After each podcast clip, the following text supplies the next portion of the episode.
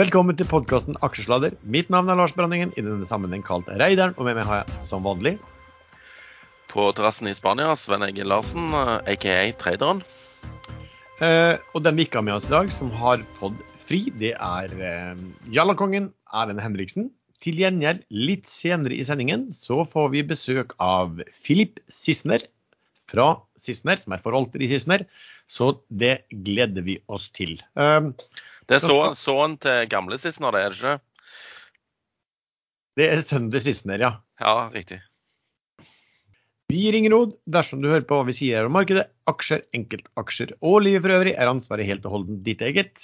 Programmet spilles inn live, og det kan forekomme feil i det vi sier. Panel og panelsgjester kan være langt, kort, direkte eller indirekte eksponert i aksjeselskaper og produkter som omtales i programmet. Og vi gjør altså ingen anbefalinger. Um, Sven, det har vel vært en veldig god uke på, um, eh, på Oslo Børs um, med ja, oljeoppgang og, og egentlig Ja. Er vi ikke på all, time high da, på OCBX? Jeg syns det var noen som posta det i går.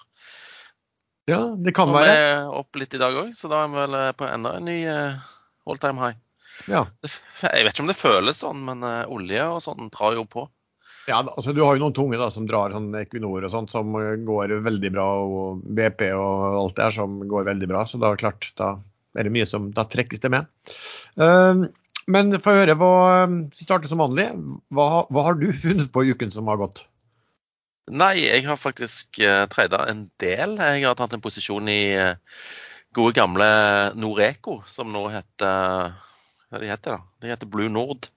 Eh, denne gassprisen gikk jo bananas, og de har eh, for det meste gassproduksjon. Så jeg kjøpte noen der nede på 500 til 510. Nå er den i 530. Eh, Tyra Development er vel eh, på banen Altså stor sannsynlighet for å komme før jul, så det kan jo bli en trigger. Jeg Vet ikke hvor lenge jeg kommer til å beholde, beholde aksjene, men det får vi se. Jeg har eh, tradet og økt og tradet i denne American Shipping Company, som har solgt alle tankbåtene sine, og som kjøpte den Norman Maximus. Der lå jeg og på, eller eh, kjøpte på 41-tallet.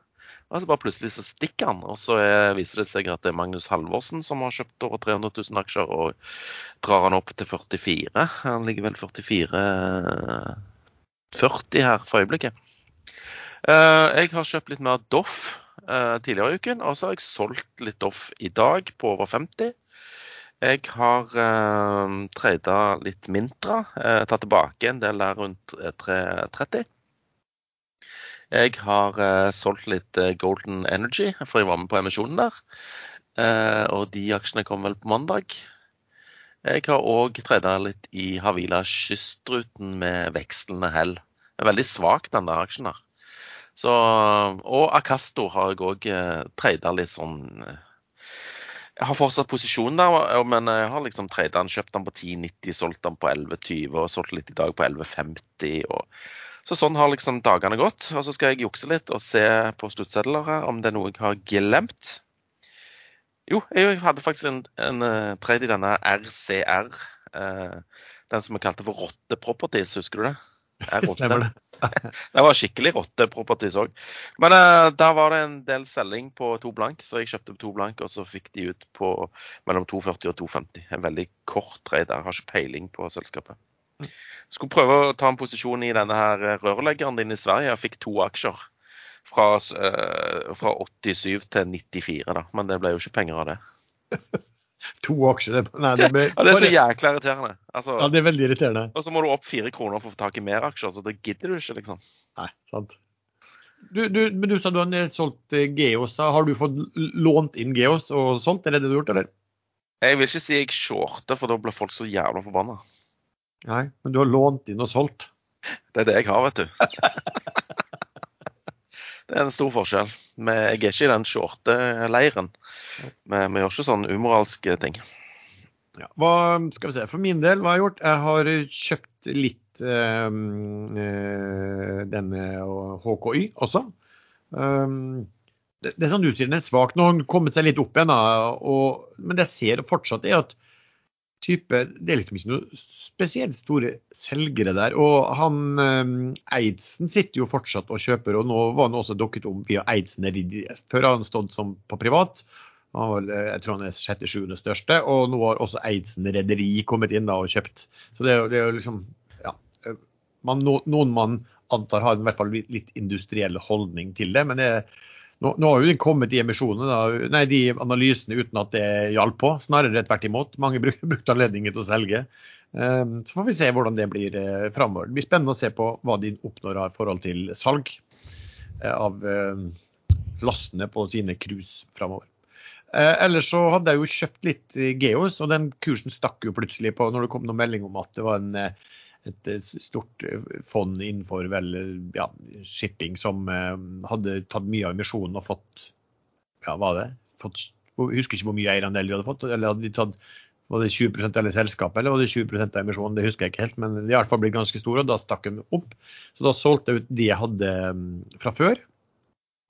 Så har jeg kjøpt altså det, det var en svak emisjon, denne Berenberg som vi snakket om. Den var jo på 18, og så datt den jo under på undersiden av 17 også. Eh, og så har den kommet en del opp igjen. Nå begynner det å nærme seg 18 igjen. Men jeg fikk i hvert fall kjøpt en del eh, aksjer der på rundt 17 eh, blank. Um, så posisjonen er større, og da er man vel sånn at man eh, Skal vi se, jeg vet ikke hva kursen der er eh, akkurat eh, nå. Det, ja, 1765 er den i dag, så den er litt, litt ned i dag. Så den er litt ned fra, fra emisjonskursen sin. Um, skal vi se, ellers jeg kjøpte den um, CLCO. Det er også Cool Company. Um, de som uh, har altså LNG Carriers. Det var egentlig bare en hunch når jeg så dette med denne rørledningen i, uh, mellom uh, Estland og Finland som var muligens sabotert. Så tenkte jeg da kastet jeg meg inn og kjøpte litt av den. Og så kjøpt litt SDSD, for naven stiger. Eh, jeg har solgt mine Frontline. Jeg er litt usikker på om jeg har satt på dem siden. Så, Pareto så sto det at jeg hadde kjøpt de på 160, men det har jo kommet utbytte på 8. Jeg vet ikke om det regnes med. Men i hvert fall sittet jeg fra 150-160 kroner og solgte dem eh, i går. Men den har jo fortsatt videre opp uh, i dag, da. Det var også litt sånn hunch om at, uh, om at de den kursen har steget mye, og Naven regnes jo faktisk nå så jeg i dag noen som anslår Nav på 170-tallet. Og tenker at OK, da er tidspunktet for et sånt selskap plutselig å begynne å hente penger. Um, men så kan det jo sies at hvis de får så god inntjening da, som noen håper på framover, så kan jo Naven stige mye på det. Uh, og så har jeg kjøpt, sånn som du sa også, um, Sven, kjøpt uh, American Shipping Company har jeg også kjøpt. Eh, og det er også litt jeg hadde sett på han fra før, og litt og så så jeg plutselig at han eh, Halvorsen lukket opp på aksjonærlisten, og da tenkte jeg at OK, her, her kan det fort en del flere um, følge på, da. Så det er det jeg har gjort i denne uken. Um, nå er det jo faktisk to uker siden vi har hatt Vi hadde jo fri forrige, forrige uke i Aksla. Ja, for vi tar, vi tar, jo hensyn til østlendingene sin høstferie, men ikke vestlendingene sin. Det er riktig. Det er sånn det fungerer, faktisk. to mot én. Uten at noen av oss har noen vanlig ferie. Vi, det er vel ingen av oss som har barn som har skoleferie eller jobb som, som har ja. Nei, jeg, har, jeg har ett barn da som har skoleferie. Så, ja, så takk, for, takk, for, at dere tok hensyn til det. men, har, har, men, har, de uh, ferie denne uken? Vi har høstferie denne uken, ja, så jeg har med hun yngste uh, ned til Spania. De to, Hun andre måtte ha sin hjemmeeksamen, så hun kunne ikke bli med. Og kona måtte jobbe. Det er bra. Du Sisse, da sitter du og passer på. Jeg skal jo ned rett i nærheten av deg eh, i morgen, faktisk. Så får bare passe på at det blir fint vær der. Men da har vi jo to uker da med eh, emisjoner og nedsalg. Hva, hva, hva, hva husker du? Nei, det ble tatt litt på sengen på at vi måtte huske tilbake to uker. Jeg husker de to som var denne uken, og det var Gigante Salmon på 7,20. 5-6 eh, rabatt. Jeg ble ikke med Sparebank1 som satte den. Jeg ble med på eh, Nordic Unmanned, et Sandnes-selskap som har eh, brukt opp alle kontantene sine og trengte påfyll. Og fikk reforhandla noen lån, og, og, alt i alt fikk en en ny investor som heter Viggo Tjelta, som står bak Tjelta Eiendom sto på eiendom på Forus. Jeg tenkte at nå blir selskapet redda, og prisen er 50 øre, så OK, jeg tar sjansen. Tegna for 100 000 euro og fikk tildelt 800 000 aksjer. Skulle vel bli 400 000 kroner. Så får vi se om, om det blir en god historie eller ikke. Denne gigante salmoen gadd jeg ikke bli med på, for det ble forskjellige sånne transjer, og det orket, jeg ikke, rett og slett. Så kan jeg ingenting om selskapet. Nei, jeg droppa også den, for jeg syns ikke rabatten var så stor på det. Jeg var også, også sånn som du med i eh, Nordic eh, Man, fikk, fikk eh, samme tildeling. Altså, den har jeg sittet og venta litt på og tenkt at kanskje man skal Den har vi nevnt lenge. Den har vi nevnt lenge. de trenger penger. Og det har de jo sjøl sagt. Men ja. endelig kom han og altså, fant de en en ny uh, cornerstone, da, kan man vel kalle det. Ja, uh, for han er fra, han er, han er fra Råland. Kjenner du til han, eller? Nei, jeg har bare hørt navnet uh, og selskapsnavnet. Kjelt helt eiendom. Hvis, hvis, jeg ikke husker helt feil på den prisingen på 50 øre, altså hvis det riktig står på infront, så er det antall aksjer i dag er 44 mil. Da. Ja, ja. Så da er det 22 millioner i market cap på det. Jeg var så inn på Eh, på balansen deres nå ved siste kvartal. Paid in equity, altså hva som er innbetalt av egenkapital i det selskapet, er over 51 millioner euro. Faktisk. Så, det, så, det, er litt sånn derfor at det kunne være interessant at de har faktisk, altså det, Da er du jo på en 550 mill. eller et eller annet sånt som er, som er innbetalt der, og nå prises den til 22. Det sier jo egentlig litt om hvor uh, hvor ille dette her har gått. Men også altså, kanskje litt, også litt gi liksom om, om, eh, om, på potensialet, da. For det er jo et selskap som, som liksom ligger på Altså de hadde, de hadde, hadde, hadde 70 millioner i, i, mm, inntekter i Q2. Så det kan jo bli en, en turnaround. Og, det, og, i den dealen er det jo også at de har da fått reforhandlet lånene sine og, og rentesatser og nedbetaling og alt med, med bankene. Så det kan jo bli, kan jo bli, bli spennende. Og de, de, aksjene de får vi i slutten av måneden, hvis jeg ikke tok helt feil. Var det ikke i november, da? Ja, men det, Da tror jeg det var helt tidlig i november. Så det var første, ah, ja. ja. kanskje det var første. Eller, det, Før jul, i hvert fall. ja, det får, vi, det får, vi, jo håpe på. Um, du, en som jeg kommer til å huske på som var uken før, tror jeg. Uh, var ikke det nedsalget i eh, BWLPG? Eller var det jo. før den? Eller Nei, det... Det, det, husker jeg ikke. Var ikke du med på denne? Jo, jo. Hva var det, vet du. 118 ble han vel gjort på. Da var det 120. Uh, eh, jeg skal se her nå på, på den, når, når, den ble gjort. Uh, 4.10., ja. Så det var forrige uke, det. ja. Um, den ble gjort på 120 kroner. De solgte, 120, ja. Ja, de solgte 6% av selskapet, da, eh, BV Group, da, til 120. Ja, Litt dårlig timing, bro, fordi disse ratene, LPG-ratene forsvant jo rett i dass der dagen etterpå. Så den husker jeg ble slitsom. Jeg kom meg ut uh, i minus, da. Jeg falt jo helt ned til 113, eller 112-tallet. Eh, og så stakk raten opp igjen, og så har den snudd tilbake.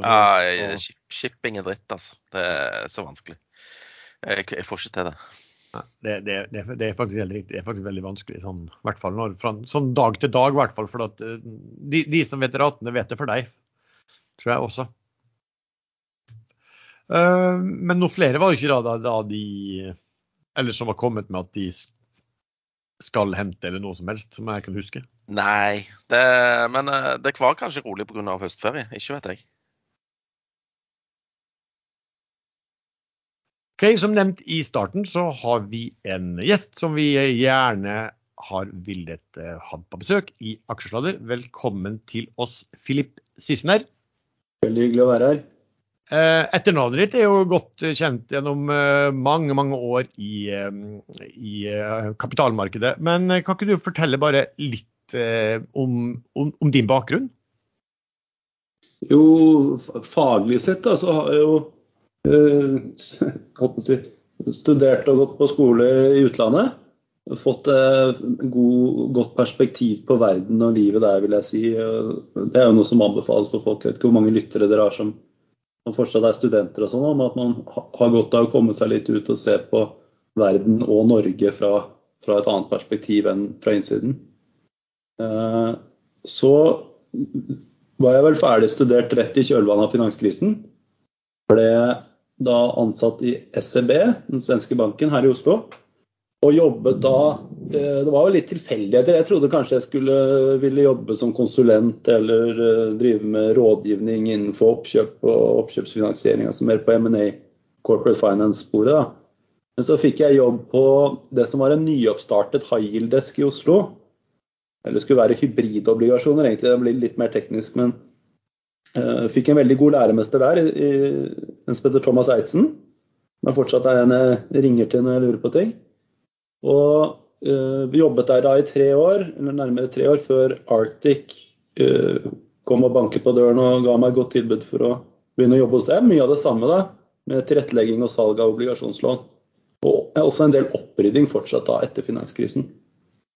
Så jobbet jeg det samme i Arctic fram til sånn 2015. Da var øh, Da traff jo oljekrisen, for de som husker det. Oljeprisen falt fra langt over 100 dollar fatet ned til 30, og det ble store problemer, spesielt med alle disse som hadde vært og lånt billige penger i obligasjonsmarkedet og brukt dem som egenkapital til å bestille enten om det var rigger eller supply-båter eller hva det var. Og Da satt jo en del av fondene rundt omkring i Norge og Norden og egentlig Europa og verden for øvrig også en del med disse misligholdte lånene eller problemlånene som, som lå rundt omkring i obligasjonsmarkedet. Og da ble jeg eh, ansatt av Arctic Asset Management, altså forvaltningsdelen til Arctic-systemet, til å bli med da på å forvalte de tre obligasjonsfondene som var der, og også rydde opp en del i den gamle moroa som eh, hadde endt opp med å være i, den, i de fondene. Eh, så jobbet jeg der som porteføljeforvalter sammen med flinke mennesker frem til 2018. Da klarte faren min å overbevise meg til å uh, bli med i Sissener AS. Uh, ut, være med på å utvikle uh, forvaltningsselskapet her fra å være et ettproduktselskap, da hadde vi jo bare dette hedgefondet, til å bli en mer fullverdig kapitalforvalter. Resultatet er jo det at vi nå i fire og et halvt år har forvaltet Sissener Corporate Bond Fund. Det har jo også vært en, en, god suksess, både i form av å tiltrekke seg kapital, men også den avkastningen vi har skapt for investorene. Spesielt hensyn til risikoen. Da. Det er jo også stor forskjell på når man uh, sammenligner obligasjonsfond, og så også tenker på at hvordan er avkastningen skapt. Det kommer vi kanskje inn på senere. Det var et veldig langt uh, svar på min bakgrunn. Nei, det var bra, men det, det, jeg lurte på var, Du sa du studerte i utlandet. Hvor studerte du? Jeg gikk videregående skole i Sveits. Uh, på såkalt internasjonal baccalaureat. Og så Jeg er jo kvart sveitser og har sveitsisk familie, så det var Egentlig skulle jeg bare gå der ett år, og så skulle jeg hjem øh, og gjøre ferdig videregående i Oslo.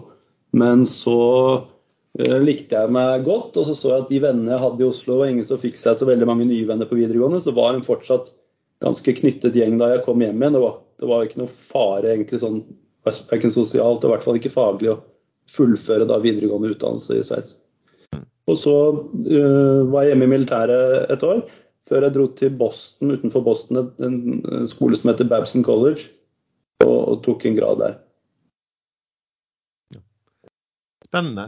Um, vi har jo fått en uh, masse spørsmål til deg som vi skal ta uh, litt, uh, litt, senere. Altså, men kan, kan, du bare fortelle liksom litt Det er sånn at dere har i dag to fond? Vi har to fond. Det er et aksjefond og et obligasjonsfond, litt forenklet. Aksjefondet heter Canopus. Det er eh, himmelens nest klareste stjerne. Den klareste het Sirius. Det var et fond vi hadde som forløper til Canopus. Det var et låst fond i tre år. Eh, men det vi fant ut egentlig da det skulle rulles videre en ny treårsstruktur i 2012, da avkastningen var fantastisk, men vi så at investorene våre ønsket daglig likviditet. De ønsket å enten kjøpe mer av fondet Eh, mange av dem. Men noen ønsket jo også Noen ganger så trenger de penger eller ønsker å allokere annerledes. Så da ønsker de daglig likviditet både inn og ut. Svaret ble jo da Sissener Canopus, som nå har 11,5 års historikk. Eh, det er et aksjefond som fokuserer på kvalitet også. Gode selskaper. Og så eier vi da de selskapene vi tror på, men vi sikrer oss mot svingninger i markedet primært gjennom eh, både short, altså direkte short-eksponering mot indeks og også enkeltaksjer. Det kan gjøres gjennom putter, eller det kan gjøres gjennom futures. Men at man tar av de verste svingningene for å unngå de største drawdownsene, altså dvs. Si når markedet korrigerer, så vi, er vi veldig opptatt av å ikke være med helt med. Men betyr det at du sånn normalt kanskje skal altså hvordan, hvordan, tenker du da at dere skal ligge i forhold til indeks? For det høres ut som dere tar ned risikoen kontra en helt vanlig aksjeindeks, eller? Absolutt. Vi har ikke noe uh, referanseindeks uh, sånn sett. Vi jobber uh, som et absolutt mandat. At vi skal forsøke å skape i størrelsesorden liksom, i hvert fall risikofri rente pluss 4 prosentpoeng, og det er jo nå nærmere 9% til investorene før vi får noen suksesshonorar. Så Vi jobber ikke overvekt, undervekt på enkeltaksjer sånn sett, mot en spesiell geografi eller eh, annen type indeks. Men vi fokuserer på um, eh, Kall det Vest-Europa altså, Norden er jo primærområdet. Så er vi også, vi, dersom vi ikke finner det vi liker her, investere i Vest-Europa og Nord-Amerika. Uh, men den generelle risikoen vår er jo lavere enn aksjemarkedet for øvrig. Vi har ligget i snitt på rundt 60% nettoeksponering. og Det betyr at hvis alle aksjer i verden går 1% opp, så går vi bare opp 0,6 Og hvis alle aksjer i verden går ned 1 prosentpoeng, så faller vi bare 0,6% Så skal jo vi forsøke å eie aksjer som går bedre enn indeksen, eller de brede markedene. Samtidig som disse indeksene eh, skal være med på å dempe volatiliteten, eller svingningen i fondet. Du, um, men må bare tilbake også til litt deg. Hva gjør du sånn altså, utenom um, Jeg vet jo alle som jobber i kapitalmarkedet er gjerne veldig interessert i det. Men hva gjør du i livet utenfor, utenfor jobben? Du, jeg har tre eh, forholdsvis små barn. De er tre, fem og åtte år gamle. Så det er veldig mye som går til dem. Eller så forsøker jeg å spille fotball fast en gang i uken fortsatt. Da spiller vi cageball inne i Nydalen. Ja, og annet enn det så er det litt sånn hobbygolf, hobbytennis, stå på ski, vanlig, kall det sunn norsk ungdom, eh, selv om jeg er litt overvektig. du gjør ikke sånn som jeg, du har ikke begynt å spille padel, da? Du, jeg, jeg har prøvd padel et, et, par ganger. Det var ikke noe sånn her direkte suksess, men jeg er absolutt med på padel uh, hvis jeg blir invitert og det passer. Altså, det, jo, det, var veldig gøy. Men de som har spilt mye, er jo vesentlig bedre til å klare å plassere nedi hjørnene hvor det bare blir rot for min del det blir sånn, det blir sånn i en periode, ja. Du, men du, du, spiller fotball. Vi er ganske, alle vi i um, Aksjesladder er jo, er jo, er fotballinteressert. Har du, har du noe sånn favorittlag?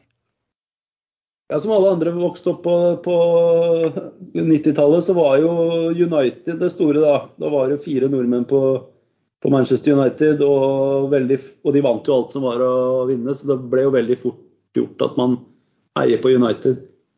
Det er egentlig hele guttegjengen vår heier på United. Litt sånn som Leeds er for eh, de på deres alder, holdt jeg på å si, uten å kanskje fornærme Nå gjetter jeg jo på alderen her. Ja, nei, du har, du har helt rett. For, du har helt rett, for hva tror du mitt favorittlag er? Ja, da tipper jeg det er Leeds.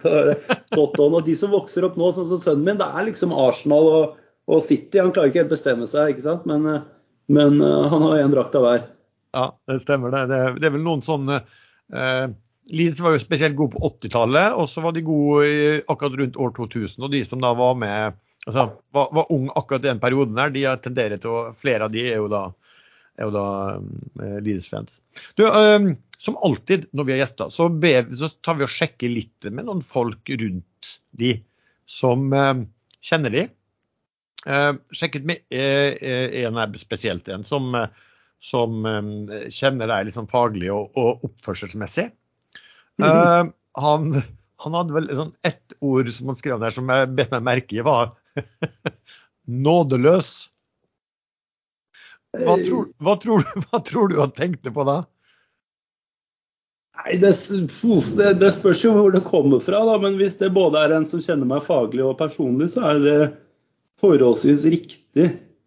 Uh, vi er nok forhold, kynisk, da. Uh, I den grad hvor man er en hyggelig og blid og omgjengelig person. Men om noen skal prøve å lure deg eller i verste fall svindle deg, så, så er man nådeløs tilbake. Og, og, hvis noen prøver å ljuge eller pynte på noen sannheter, så må man være nådeløs. Og Det kan være nådeløs i form av å fortelle vedkommende hvor skapet står muntlig. Eller å bare selge ut, være drit, altså bare komme seg ut av om det er en aksje eller en obligasjon. Men hvis du ikke opplever at du, har, at du, får riktig informasjon eller at du har kjøpt noe på feil premisser, så må du være nådeløs i form av å få den ut. da jeg vet ikke om man mener det på den ene eller andre måten, men noen er jo veldig opptatt av liksom, hvor har jeg bokført disse obligasjonene eller disse aksjene. For vår del så handler det mer om skal vi ha eksponeringen eller ikke. Så hvis vi må dytte en pris ned 5% for å komme ut av en 3 %-posisjon, så slår det 0,15 på fondet. Det spiller egentlig ingen rolle, så lenge vi slipper å ha den eksponeringen i morgen. Ja. Nei, jeg skal, jeg skal si, du, du, var spot on på, på, det han eh, på det i hvert fall ene vedkommende sa. Han sa at eh, han har, et, han har jo et karaktertrekk sa han om der, som ikke mange andre har. Han er totalt uredd for å stille ubehagelige og kritiske spørsmål i plenum. Veldig rett frem som type. Eh, men har noen gjort noe dumt eller vært uheldig, så er du godhjertet, sa han. Men mm. om folk er lure og prøver å være litt vel lure, så er du temmelig nådeløs og spikrer det gjerne opp på veggen i plenum. Og han vedkommende sa jo da at personlig så applauderte han, eh, eh, han det stort. Eh, og han sa vel at du hadde smart flink, hadde et kritisk, litt kynisk blikk på verden, som nok er veldig nyttig i hans eh, posisjon. Så mm, ja, det er en, jeg skulle ikke si navn, men en, en, tidligere kollega som også betegnet seg som en fan av deg. Så det var jo, det var jo gode ord. Det er hyggelig å høre. Men det er jo liksom det jobben vår er. da. Vi, vi sitter ikke i nå skal jeg være forsiktig med noen stor organisasjon og bare få penger tredd ned over hodet som vi skal forvalte. For oss så er vi et aktivt forhold til at vi skylder kundene våre å være kritiske. Vi skylder kundene våre eller investorene våre å stille de vanskelige spørsmålene for å vite om vi har eller enten om vi er investert fra før, eller om vi vurderer å investere, så må vi jo vite at, eh, at eh, alt er ryddig og ordentlig med de vi investerer med. Ja. Kan, kan, du nevne et eksempel på, på, på, et selskap hvor du har liksom måttet tatt i litt ekstra eh, i forhold til eh, ledelsen, i forhold til hva, hva, som, er, hva som er, har vært kommunisert i markedet? Ja, men uten at de er her til å forsvare seg, så syns jeg ofte det er litt vanskelig. Men hvis man blar litt i avisene, så ser man at vi, var, vi hadde noen obligasjoner i Havilafjord for et par år siden. Dette er en såpass gammel situasjon også. Der ble det jo gjennomført mye rare transaksjoner gjennom med dette med Fjord 1. Og det var jo noe som ikke nødvendigvis var riktig for minoritetsaksjonærer eller obligasjonseiere. Og det var heller ikke forankret i styret, så de to uavhengige medlemmene i styret som ikke var Sævik-familien, de trakk seg jo mm. i forbindelse med dette. Så, sånn type oppførsel fungerer ikke i vår verden når du har børsnoterte enheter og du har et styre med uavhengige medlemmer som skal være med på å ta beslutninger. Eh, da føler vi at da er liksom tilliten brutt for vår del. Da selger vi obligasjonene. Vi, vi bruker da gadd vi ikke å stille noen spørsmål engang, når du ser at det er såpass eh, grovt overtrekk governance-messig i form av etisk. Det kan godt hende alt var lovlig, men i forhold til det etiske så blir det feil. Vi, vi i Aksjeladet bruker jo i og være ganske tøffe både mot selskap og det kan vi være mot enkeltinvestorer også. Også sånn at når vi er litt sånn store konferanser, så, så, så, føler vi at vi må gå litt, smyge oss litt inntil veggen av og til. hvis vi, For noen i hvert fall. Hva, hva, tenker du, Sven, du er med oss. Hva tenker du eh, i forhold til eh, hva Filip sier om å være åpen og rett fram overfor, eh, overfor ja, selskapene? Jeg syns jo det Hei, hei forresten. Hei hei. Uh, hei, hei. Jeg hadde uh, mother of all connection problems her, men uh, endelig kom jeg meg på. Nei, Jeg syns det er veldig godt at noen er litt aktive i forhold til det de, til de holder på med, ikke bare står passivt og ser på og, og sier fra når noe er galt. til dere. Og dere, spesielt din far, òg pleier jo å være ganske ofte ute i media og påpeke ting og tang som burde vært gjort den ene eller andre veien. Så jeg applauderer det. Ja, altså, det er også et ganske godt kjent eksempel. Det, det, aller meste når det er noe bråk og tull, så, så, ordner man det på bakrommet. Eller vi skriver om det i månedsrapporten, så blir det blåst opp i media. Men denne prosessen med Norwegian høsten 2019 var det vel, så hadde jo vi ikke i obligasjonsfondet, for der tar vi jo ikke den type binær risiko på den måten. Eh, men da hadde vi jo obligasjoner i aksjefondet, hedgefondet, eh, som vi hadde kjøpt på en ganske fin rabatt til pålydende. Og så kom jo den til forfasen etter, altså tidspunktet hvor selskapet skal gjøre opp gjelden og betale tilbake obligasjonslånet. Og da hadde jo ikke selskapet penger, og ikke fant de noen andre som hadde lyst til å refinansiere den gjelden heller. Så det ble jo en sånn prosess hvor de måtte tvangsforlenge dette obligasjonslånet. Og da ønsket jo vi også da at de skulle ikke sant? Når du ikke kan gjøre opp gjelden din, så er du de facto konkurs. Men så blir man jo aldri reelt sett konkurs, for der var det en villighet fra vår side også til å konvertere disse obligasjonene til egenkapital. Eller kanskje supportere i en egenkapitalinnhentning. Så var jo vi short aksjene samtidig, så vi ville jo tjent enda mer penger enn vi gjorde. Og, og om det faktisk hadde kommet fram da. Men oppi alt det der så er det også mye hokus pokus. Jeg tror ikke All respekt for den jobben som Geir Karlsen og de har gjort i etterkant med restrukturering, men jeg tror ikke de var spesielt glad i oss på det tidspunktet. Så når du snakker om å gjemme seg litt på konferanser og sånn, så tar jeg det med stor skro. Jeg møtte ham på julebord, ikke samme julebord, men vi satt tilfeldigvis på bord ved siden av hverandre den julen 2019. Og der er det ingen hard feelings, egentlig. Altså, jeg tror i hvert fall de seriøse ledelsen de skjønner godt at, at um, dette gjør vi kun for, uh, kun for business. Det er ikke noe personlig bak. Vi tenker kun på våre andelseiere, og det, må, det, er det vi må gjøre. Det var litt, var det litt fleipete at vi gikk litt Det kunne, kunne vært hvis vi var enkelte at vi hadde kanskje vært eh, litt vel eh, harde for det. Men det har jo gjerne vært sånn at eh, de aktørene er, er, er, rimelig profesjonelle. Og så tror jeg vel egentlig at når vi først tar opp noe så, så er det såpass riktig at eh, ja, ja, ja, absolutt. Og så blir jo folk så veldig fornærmet. Vi snakket om det innledningsvis før vi begynte avspillinga. Jeg var jo litt sleivete på Twitter her og omtalte Link Mobility det er vel halvannet år siden, vinteren 22, når du virkelig så at rentene begynte å stige da. ikke sant? Og da han freste den fra han uh, Rugseth, som jeg for så vidt har veldig stor respekt for, han har vært en flink uh, det, selskapsbygger og jeg syns han har hatt veldig mye bra innlegg i avisen og sånn også senere. Men da, da ble folk blir, tar seg veldig nær av litt mindre kommentarer som egentlig bare påpekte at, at rentene var på vei opp, og at rentekostnadene til eh, nevnte selskap vil stige når de skal refinansiere obligasjonslånet sitt. Selvfølgelig tenker man da veldig mange år frem i tid, men, men, det er jo det vi må gjøre. Vi kan ikke bare se et halvt år frem i tid om gangen. Ja, for jeg, for jeg vet at du, du, ble jo spurt i en eh, hos Finansavisen, så ble du spurt om uh, Solstad uh, offshore. Og så sa du vel bare at uh, dere tok ikke posisjoner i den type selskap. Jeg vet ikke om du nevnte konkurskandidater eller hvordan det var, men da ble jo da folk nesten så fornærmet at man skulle tro at du hadde vært ute og stjålet penger av eh, lommeboka deres? jeg har ikke fått med meg Det kan ha vært noe sånt på Sharewill eller et eller annet sånt. Men altså, når egenkapitalen på børs er 2,2 milliarder og gjelden er jeg tror det er par og 20 milliarder er fortsatt Nei, nå, nå, nå, blir den redusert tror jeg, til 16, da, for de har jo solgt unna en del. men det er jo sånn. Ja, nettopp. Nei, Vi følger jo ikke med i detalj, men det er et lite selskap. ikke sant? Det er i den grad vi skal ta en posisjon hos det, så skal vi helst kunne sette 100 millioner kroner i arbeid om gangen. Og, og det går for så vidt her, men da ville du jo eid 5% av selskapet. Og så måtte du nok sannsynligvis, nå, nå er det ikke uten å tråkke noen på tærne eller noe som helst, men det er jo en overhengende stor sannsynlighet for at det blir en egenkapitalinnhenting også der. I forbindelse med refinansiering av disse 16 milliardene som er igjen. Ja, og det har vi snakket her også om. At, at, altså, jo... Jeg tror ikke det er noe hemmelig. Jeg tror selskapet er åpent. Altså, det, jeg, bare, det, jeg følger ikke tett det selskapet i det hele tatt. Men noe må skje med, med, gjeld som kommer til forfall, og som har vært skjøvet på siden 2015-2016. ikke sant? Oljekrisen som vi snakket om innledningsvis.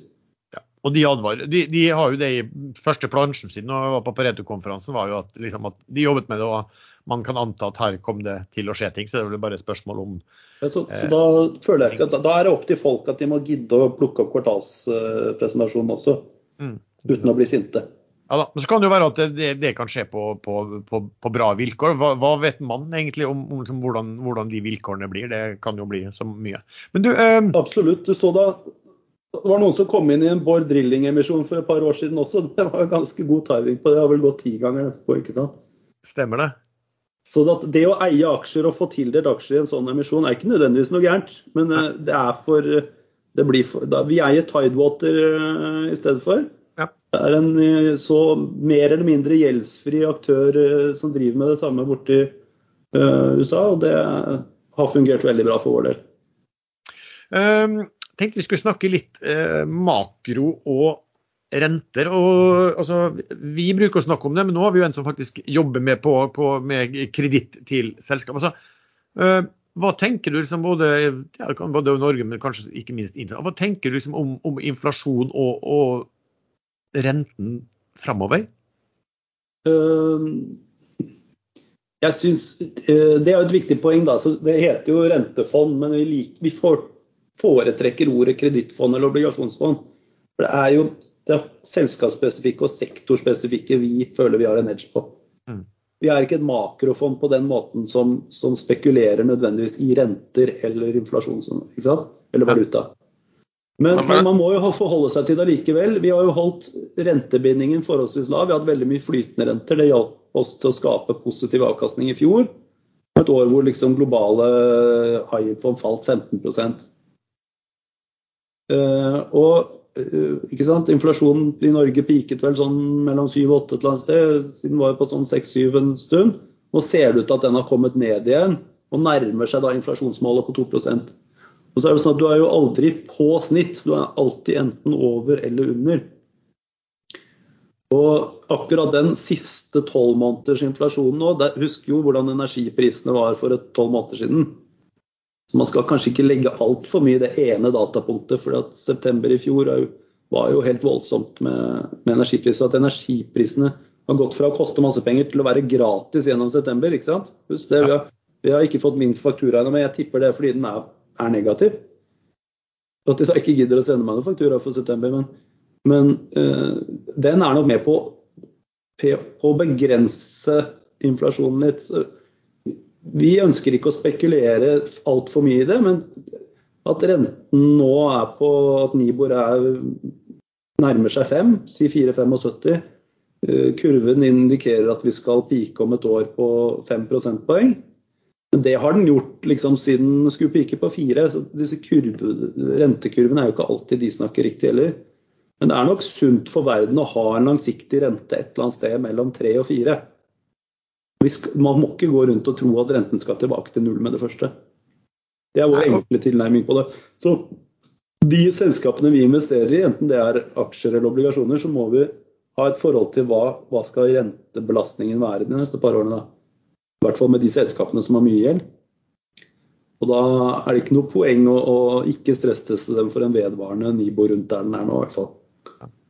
Men, men, det du ser på ofte da, hvis du, La oss si at du, du ikke kan spå så veldig mye om renten. Altså, da, da, ser du på Nibor, altså interbankrenten. Med, også, men det du spesielt mye vil se på da, er da påslaget? Absolutt påslag, og effektivt påslag da, om, om obligasjonen handler på overkurs eller underkurs. Ja. Uh, det er jo aksjesladder her, så jeg kan ta en liten rask sånn. Men obligasjoner starter jo alltid på kurs 100, og så skal du få tilbake kurs 100 etter tre eller fem år, eller hvor lang løpetid det er på obligasjonen. Så har du en rente på toppen av det.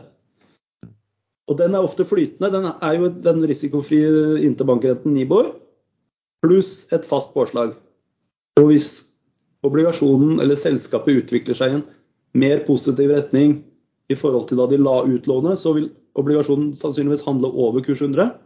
Og uh, er det enten noe selskapsspesifikt eller noe, kall det global uro uh, som oppstår i løpet av den løpetiden, så vil den handle under kurs 100, litt for enkelt.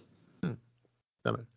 Um, også, men det er også sånn at uh, man har jo ulike rating på disse, kan, kan si, på disse obligasjonene. Kan du bare si litt om hvordan type sånn, altså sånn grovt hvilke type um, ratingnivåer man har på de ulike? Absolutt. Vi um, det rating Kall det uh, rangen, da. Det er et dårlig norsk ord. Klassen, eller sånn ratingklasse? Eller? Ja, men altså Det begynner på trippel A. Det er liksom det beste av det beste. Det er norske stat og Microsoft, ikke sant. De er trippel A-rating. Uh, og Så går det helt ned til trippel C, eller D, som liksom er trippel C. Da er du veldig veldig nær konkurs. Og D, da er du i det såkalt default av mislighold. Og så går de i, et, i forskjellige grader ned fra da trippel A til trippel C. Det er to A-er, og så én A, og så har du uh, tre B-er, og så har du to B-er, og så har du én B. Ikke sant? Ja. Uh, og akkurat skjæringspunktet tre B-er og to B-er, og så er det plusser og minuser på disse også. Så fra BBB minus til BB pluss, der går skjæringspunktet mellom det vi kaller for investment grade, altså solide selskaper, typ Tenk, uh, Hydro, Yara, den type selskaper, til BB pluss, som da er high yield per definisjon, eller det fine ordet junk bonds, vi er ikke så glad i det, men, men uh, da øker risikoen, ikke sant? Bare, litt forenklet nedover der. Og fondet vårt investerer i high yield, altså fra, uh, fra B pluss nedover til også inkludert trippel C. Uh, og så har vi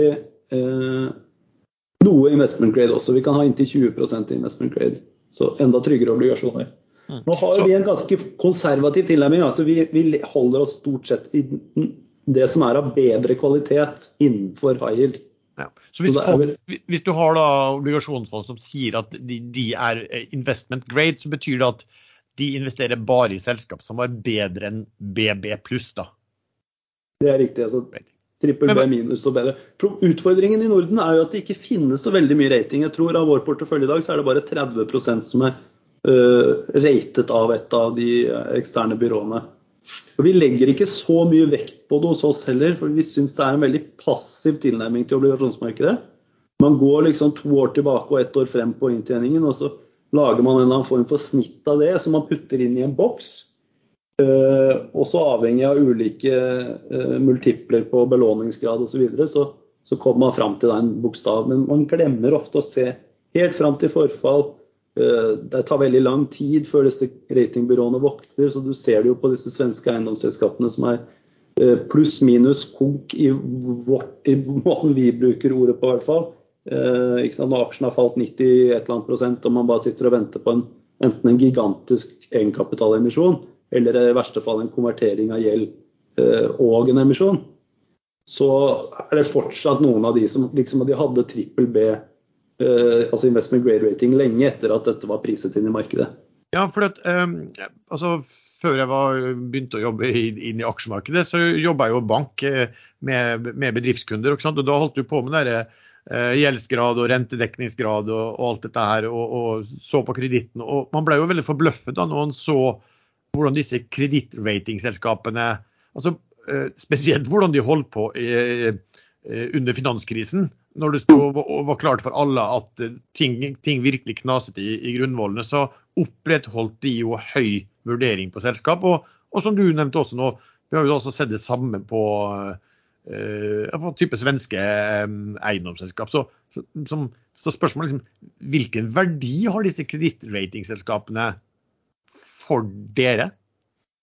For oss så, så tilfører de null verdi, vil jeg påstå. Det er nesten negativ verdi. Men, men det er direkte verdi til oss. Det vi syns er fint, er at veldig mange andre lener seg på disse ratingbyråene og tror at de sitter med fasit på hva risikoen i et obligasjonslån skal være, eller hva fair prising er. Så det kan jo vi forsøke å utnytte på en eller annen måte. Ja, det ut av dårlige posisjoner altfor ja, med god pris? Ja, f.eks. Men vi prøver jo å unngå å ta de posisjonene i det hele tatt. Men, ja. men, eh, men, det kan jo være steder hvor man ser at dette er jo helt, eh, helt på bærtur, hvis du bare løfter blikket lite grann. Og det er jo spesielt av de uh, svenske eiendomsselskapene. Eller som du, ditt eksempel fra finanskrisen er jo fantastisk. Du tar masse dritt og putter sammen i en bøtte, og da er det plutselig trippel A og superbra. Det er jo ikke sånn det fungerer.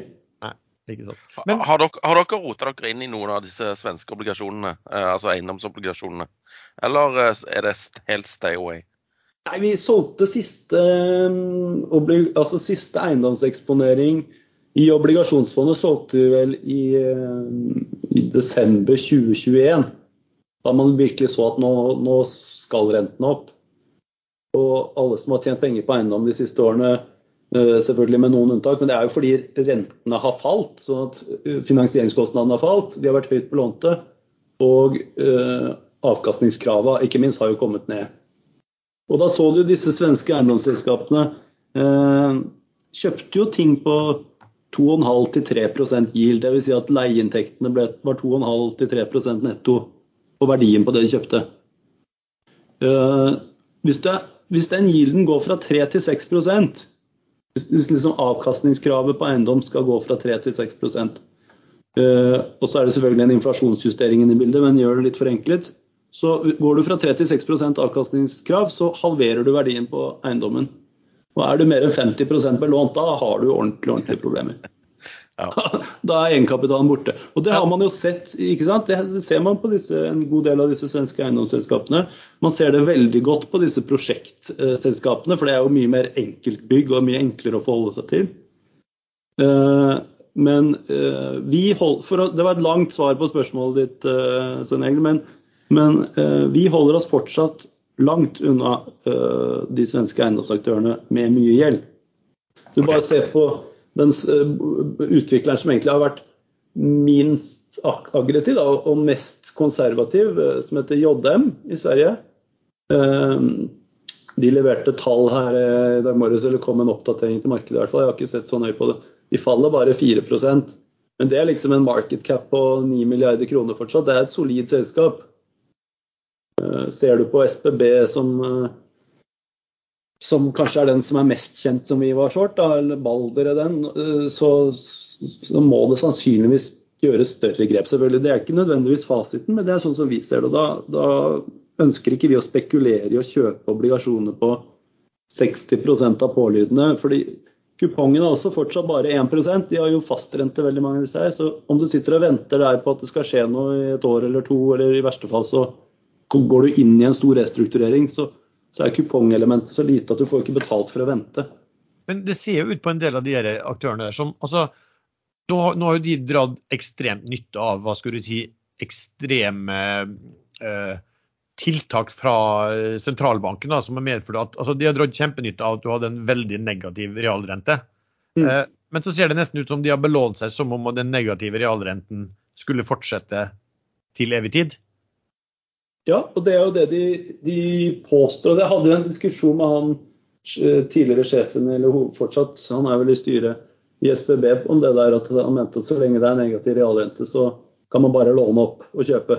Det er fantastisk. Inflasjonen hjelper deg å justere topplinjen. Men avkast, når avkastningskravet stiger såpass mye, så er jo det ganske eh, Ja, det, det er galskap. Men det er jo sånn de har blitt rike raskt også, da. Så får vi se hvor, hvor fort det faller. Ja, jeg har jo ment lenge liksom at uh, negativ realrente Jeg bruker å si liksom at hvis man drar hva er rente helt forenklet, så er det jo bare et utsatt at du utsetter ditt uh, for, eget forbruk. Uh, mm. Og da vil du ha tilbake så mye penger at det dekker inflasjonen og risikoen din. Og, og per definisjon, i et, i et sånt marked så skal man jo per definisjon over tid ikke ha negativ realrente. Enig. Men vi har, vi har et spørsmål, eh, for Folk har vært veldig opptatt av disse svenske. Og der er det spørsmål til deg. Altså, hva, hva, skal til før du begynner å kjøpe eh, bånd i type Heimstaden og SBB og, og de andre? Altså, kom, tror du det kommer et eller annet tidspunkt der hvor den virkelig store muligheten kan komme? Og, og, og liksom, hva skal man se etter da? Uh, ja, det, det, kommer definitivt til å komme muligheter. Um, og så må man jo, Vi ønsker jo egentlig å se at rentenivået flater ut på et eller annet tidspunkt. At man har en eller annen formening om hva skal uh, langsiktige renter egentlig være. Akkurat nå er det jo veldig volatilt. Og så er det jo sånn at Du må pusse opp en del av disse eiendommene. Det er ikke sånn at På 2% yield, så, så da, da, klarer du bare å pusse opp på 50 år, ikke sant? ikke sant? Det er jo ikke så veldig sexy, det. Så en yield på sånn 6-7% på en portefølje er ikke helt fjernt. og Alle som holder på med eiendom, ler fortsatt av det. Men vi tror jo genuint at eh, skal du ha noe særlig avkastning etter utleie, vedlikehold og rentebetjening, så er det der du egentlig må komme. Og da må du se på en totalløsning for selskapene som gjør at det er attraktivt å konvertere nok gjeld til at du får en avkastning på egenkapitalen på 6-7 det er, kjedelig, det er fortsatt utrolig kjedelig når renten er 5-6. Men, ja. men, hvis renten da skal stabilisere seg på 3-4, så tror vi fortsatt vi ville hatt 6-7 for, for, å kjøpe noe eiendom. Mm. Men tror du liksom, hva, hva, hva, tror du om prisen på, den, på, på næringseiendom? Er den liksom har den kommet ned dit altså Har den bundet ut, eller, eller, er det kanskje bare fortsatt preg av at kjøper og selger står langt unna hverandre fordi at sel, selger eh, drømmer om gamle dager og ikke har tatt over seg helt realitetene? Det virker, det virker som det er vesentlig mer eh, Og så er spørsmålet har det kommet langt nok ned, er jo hvor mye har de skrevet ned verdiene sine. ikke sant? Og der går det veldig sakte. Finansinspeksjonen, altså Finanstilsynet i Sverige har jo nå innkalt alle de børsnoterte selskapene til å se på liksom, hvorfor skriver dere ikke ned raskere. Verdien er åpenbart lavere. Og I Norge har vi jo tre spesifikke datapunkter nå ordnet det seg, altså, som er veldig i medienes søkelys, da kaller det. Som jeg vil si alle klarer å følge med på. Det er jo disse tre Arctic-prosjektene. Et ved Statoils eller Equinors hovedkvarter. Eh, Storebrannbygget på Lysaker og eh, denne telegrafen nede i Kvadraturen. Og Der vil man jo se hvordan løser de det. Jo, eh, Statoil eller Equinor-bygget Martin Ingesvei ble forlenget med ett år nå, hvor det kom inn noe juniorlån. Men i de facto er det jo juniorlånet der som sannsynligvis kontrollerer hele eiendommen.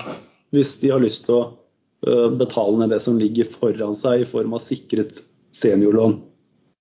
Eh, så vet man at Statoil eller Equinor bare har gått ned til Jeg klarer ikke å la være å si Statoil når jeg snakker om beklager. Men da er det to tredjedeler av eh, bygget som Equinor skal beholde. Så må du prøve å få inn og bygge om for å tilrettelegge for en eventuell annen leietager på den siste tredjedelen av bygget. For at du skal i det hele tatt snakke om en totalgiv på det bygget. Det er ikke bare bare. eller de får jo fantastisk profilering gjennom dette her Jaget-programmet på TV Norge. da. De filmer jo det bygget hele tiden. De har fått inn noen sånne små leietakere for TV Norge der, som driver og jakter til kjendiser. Så det, kanskje det er veien å gå. Ja, nei, jeg tror ikke Jeg vet ikke om Nei, næring Det er umulig. Altså, jeg vil jo ikke si at det er bundet ut, men det er jo fordi de, vi, har, vi, har, ikke sett noe sånn direkte eh, større transaksjoner i hvert fall, som kan være med på å prise uh, den type eiendom. Da. Mm. Så har du Norwegian Property og Entra og sånn. De er jo ikke nødvendigvis tvungne selgere av noe, men jeg har ikke sett nøye nok på det. for Vi tror det ligger lenge, mulighetene ligger sannsynligvis lenger frem i tid. Da tenkte jeg skulle nevne en, et, en artikkel i avisen i dag. Eh, for de var, det er han, eh, han er jo sjefen for oljefondet, som vi kaller det. Det heter jo noe annet. men det ja, ja. Statens, Statens pensjonsfond utland heter det vel fortsatt. Det er riktig. Og der han, eh, sjefen Tangen var ute i dag og sa at han trodde på et tapt kommende tiår i kapitalmarkedet, hvor man ikke kunne forvente, forvente særlig avkastning. Tenker du om den uttalelsen? Hvis du investerer i indeksfond, så kan det hende at det er helt riktig. Men vi tror på vår evne til å plukke riktige kreditter og riktige aksjer, og også i hvert fall med den nedsidehedgingen vi har, så skal man klare jeg vil snu på det. Jeg vil si at dette er eh, aktive forvalteres tiår. Mm. Det har vært veldig populært med indeksfond. Det har fungert fint de siste 10-15 årene. Altså, når alt bare går riktig vei. Men se også tilbake i, i hva som har skjedd de siste si 30 årene, da, fra 1990. Oppløsning av Sovjetunionen, de inn i varmen eh, sakte, men sikkert. 2000, innføring av en felles valuta, om det var 2000 eller 2001, er ikke så viktig, men rundt da. Innføring av felles valuta i EU. ikke sant? Innfør, altså, ingen tollbarrierer, fri handel. Kina er en del av uh, Verdens handelsorganisasjon omtrent samtidig. Og fallende renter fra midten av 90-tallet frem til i forrige fjor. Alt det har vært med på å skape en bedre økonomi i verden. Alle har stort sett vært venner, det har vært noen kriger åpenbart. Men uh, nå er det mer polariserende. Renter er på vei opp. Uh, man går fra globalisering til homesourcing. Altså amerikanerne ønsker å kjøpe amerikansk, og alle tenker liksom mer proteksjonisme enn de tenker globalisering. Så det kan jo godt hende at uh, Tangen har helt rett, men det skal fortsatt være noen selskaper, eller mange selskaper, som gjør det bra og bedre enn snittet, hva det. Ja. Sven, du, du, bryr deg vel egentlig ikke om eh, hva han mener, for du er opptatt av eh, volatiliteten? Ja, jeg syns jo det er gøy med volatilitet, men uh, det er jo litt sånn depressivt. liksom. Nei, du får ikke avkastning på sparepengene dine på ti år. Det er jo litt sånn kjedelig melding å få. Du vet hva som var den beste aktiva-klassen gjennom 70-tallet? Gull. Ja, da, ok, Den har jeg ikke dobbeltsjekket, men penger Cash. i banken. Ja, penger. Rente i banken. Ja. Okay. Rentesrente på penger i banken. Ja, da ser du. Og det kan du jo si at hvis du håndplukker et bra kneppe obligasjonslån, så skal du jo klare å få rentesrente på det også. Ja. ja riktig. Men jeg, jeg, har tenkt litt på, eller jeg ble spurt av en, en, kompis som hadde solgt deler av et selskap. Så han plutselig hadde fått mye penger. Så uh, lurte han på å putte dette i obligasjonsfond. da. Så hadde vi en lunsj, og så spurte han meg om jeg visste om noen. Og, jeg er ikke så veldig bevandra i disse fondene. Men jeg foreslo jo da eh, Heimdal sitt, for det, det, er Stavanger, og jeg kjenner delvis eh, forvalter. Eh, og eh, tok eh, fram eh, dette kan, ne, Hva heter dette fondet ditt? Ikke Canopus, men det andre. Siste Corporate Bond Fund heter det ja, på engelsk. Og, og dere har vel en yield på rundt 10% nå, eller en avkastning for året? Ja, Uh, og så nevnte jeg et siste. Hvilket var det? Nå har jeg pinadø glemt. Jo, eh, Storm. Mm. Eh, jeg har ikke sjekka avkastningen deres, men det er liksom de som jeg um, opplever som litt mer aktive i markedet. og litt mer sånn selskapsspesifikke. Og, og er veldig flinke til å gå til Finansavisen og få bevist fram hvilke posisjoner de har. Mm. Ja, den siste er jo litt sånn at man alle de tre fondene er jo åpne fond, sånn at Finansavisen også får innblikk i hva vi gjør da, når vi skriver månedsrapporter og den type ting. Så da fanger de jo opp en del, så de syns det er gøy å skrive om. Men, men, uh... men, er det noen andre som driver på på samme måte, eller er det det som er de tre aktive aktivist-obligasjonsfondene, uh, vil jeg altså, nesten kalle de? Du har jo, ja, Og så er det forskjell på å være aktiv og være ren aktivist òg. Du har jo han gamle eller gammel er han kanskje ikke, men da tror jeg han ville blitt fornærmet med han. Tidligere er jo riktig ord.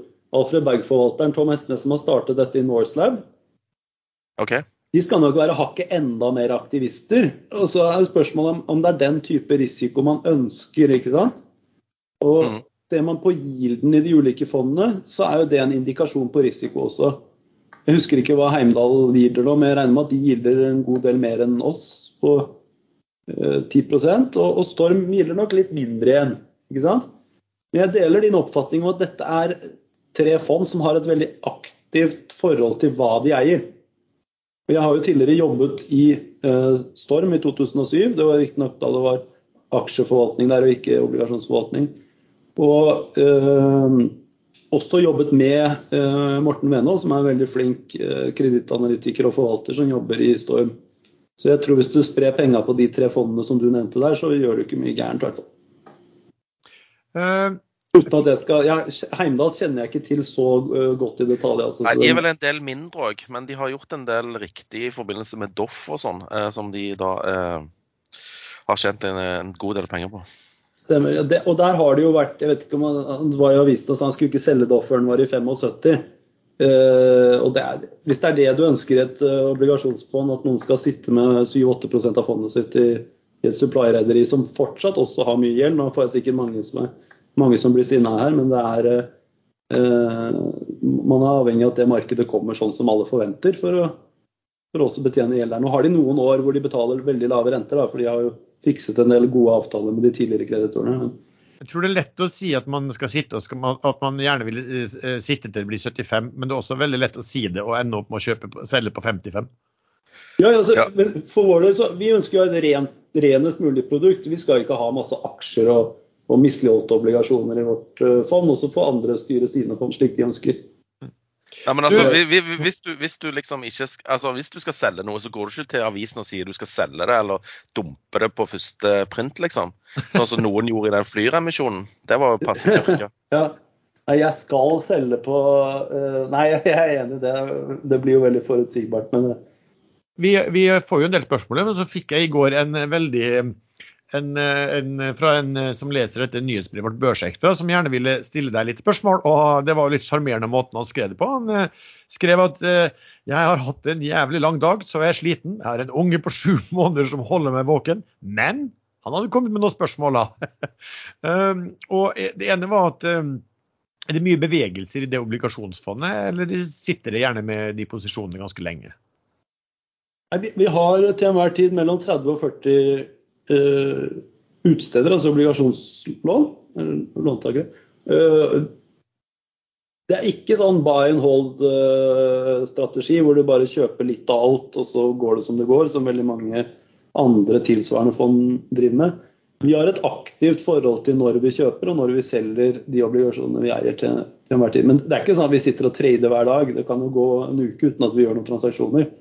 Men vi har et veldig aktivt forhold til at det, dersom vi ikke føler vi får godt nok betalt i den effektive renten til forfall i forhold til risiko, så vil vi selge obligasjonen. Og faller noe som vi ikke har vært med på eh, primærutstedelsen på, f.eks. en del av det som har vært lånt nå i høst, men det er klart skjer det noe med markedet som gjør at vi får de på en attraktiv nok underkurs der eh, effektiv eh, rente blir høy nok for oss, eller det vi kaller yield, så vil vi kjøpe de også. Det er jeg vil kalle det mye mer eh, bevegelser enn ren buy and hold, men det er ikke sånn det er ikke et marked heller hvor man kan ligge og råtrede hele tiden. Det gjelder jo da både aksjer og, og kreditt. Hvilken, hvilken sektor er dere mest bull på, og hvilken er dere mest bear på? Uh, de, vi har nok en, en De største sektorene i begge fond er for så vidt energi, finans, teknologi og shipping. Og Det er for aksjefondet, og for obligasjonsfondet så er det energi, finans, shipping og IT. Så det er motsatt rekkefølge, mer eller mindre. Men det er liksom de fire sektorene vi fortsatt ser, spesielt innenfor energi, kall det rene oljeselskaper, men også deres øh, underleverandører. Der er det ikke investert øh, så veldig mye ikke sant? Pga. supply- og rig-sektoren som har ligget nede med brukket øh, rygg, så har det ikke vært investert på nå snart ti år. Det har ikke vært bestilt noen nye, nybygg, i hvert fall. Og nå, det å bestille noen nybygg nå, det er kjempedyrt. Så har du en flåte som blir eldre. Så har du en oljepris og en usikkerhet i verden som gjør at man ønsker og alle land, egentlig, alle verdensdeler, ønsker å, være, å produsere mer og være selvforsynt. Og da kommer det til å komme noe voldsomt med investeringer inn i uh, underleverandørene. Men oljeselskapene på dagens oljepris, og selv om oljeprisen skulle falle til 80, tjener så voldsomt mye penger at de, de er liksom nede på, på single digit multipler. Dette er jo selvfølgelig noe alle kan se, men litt pga. ESG, hvor det er mange som ikke kan eie den type selskaper, og litt pga. Uh, at folk historisk kanskje er redde for svingningene i både underliggende oljepris. Det svinger jo voldsomt nå også fra uke til uke.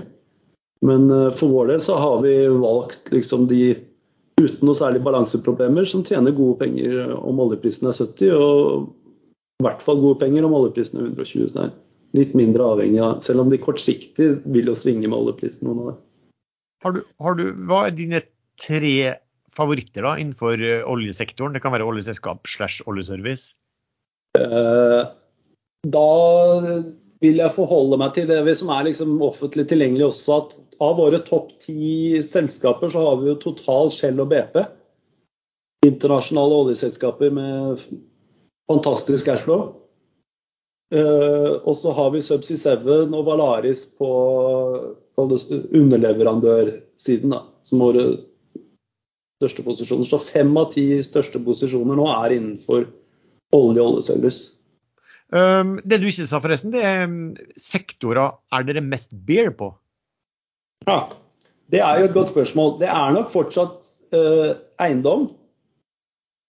Uh, selskaper som ikke, altså sektorer som ikke leverer uh, kontantstrømgenerering.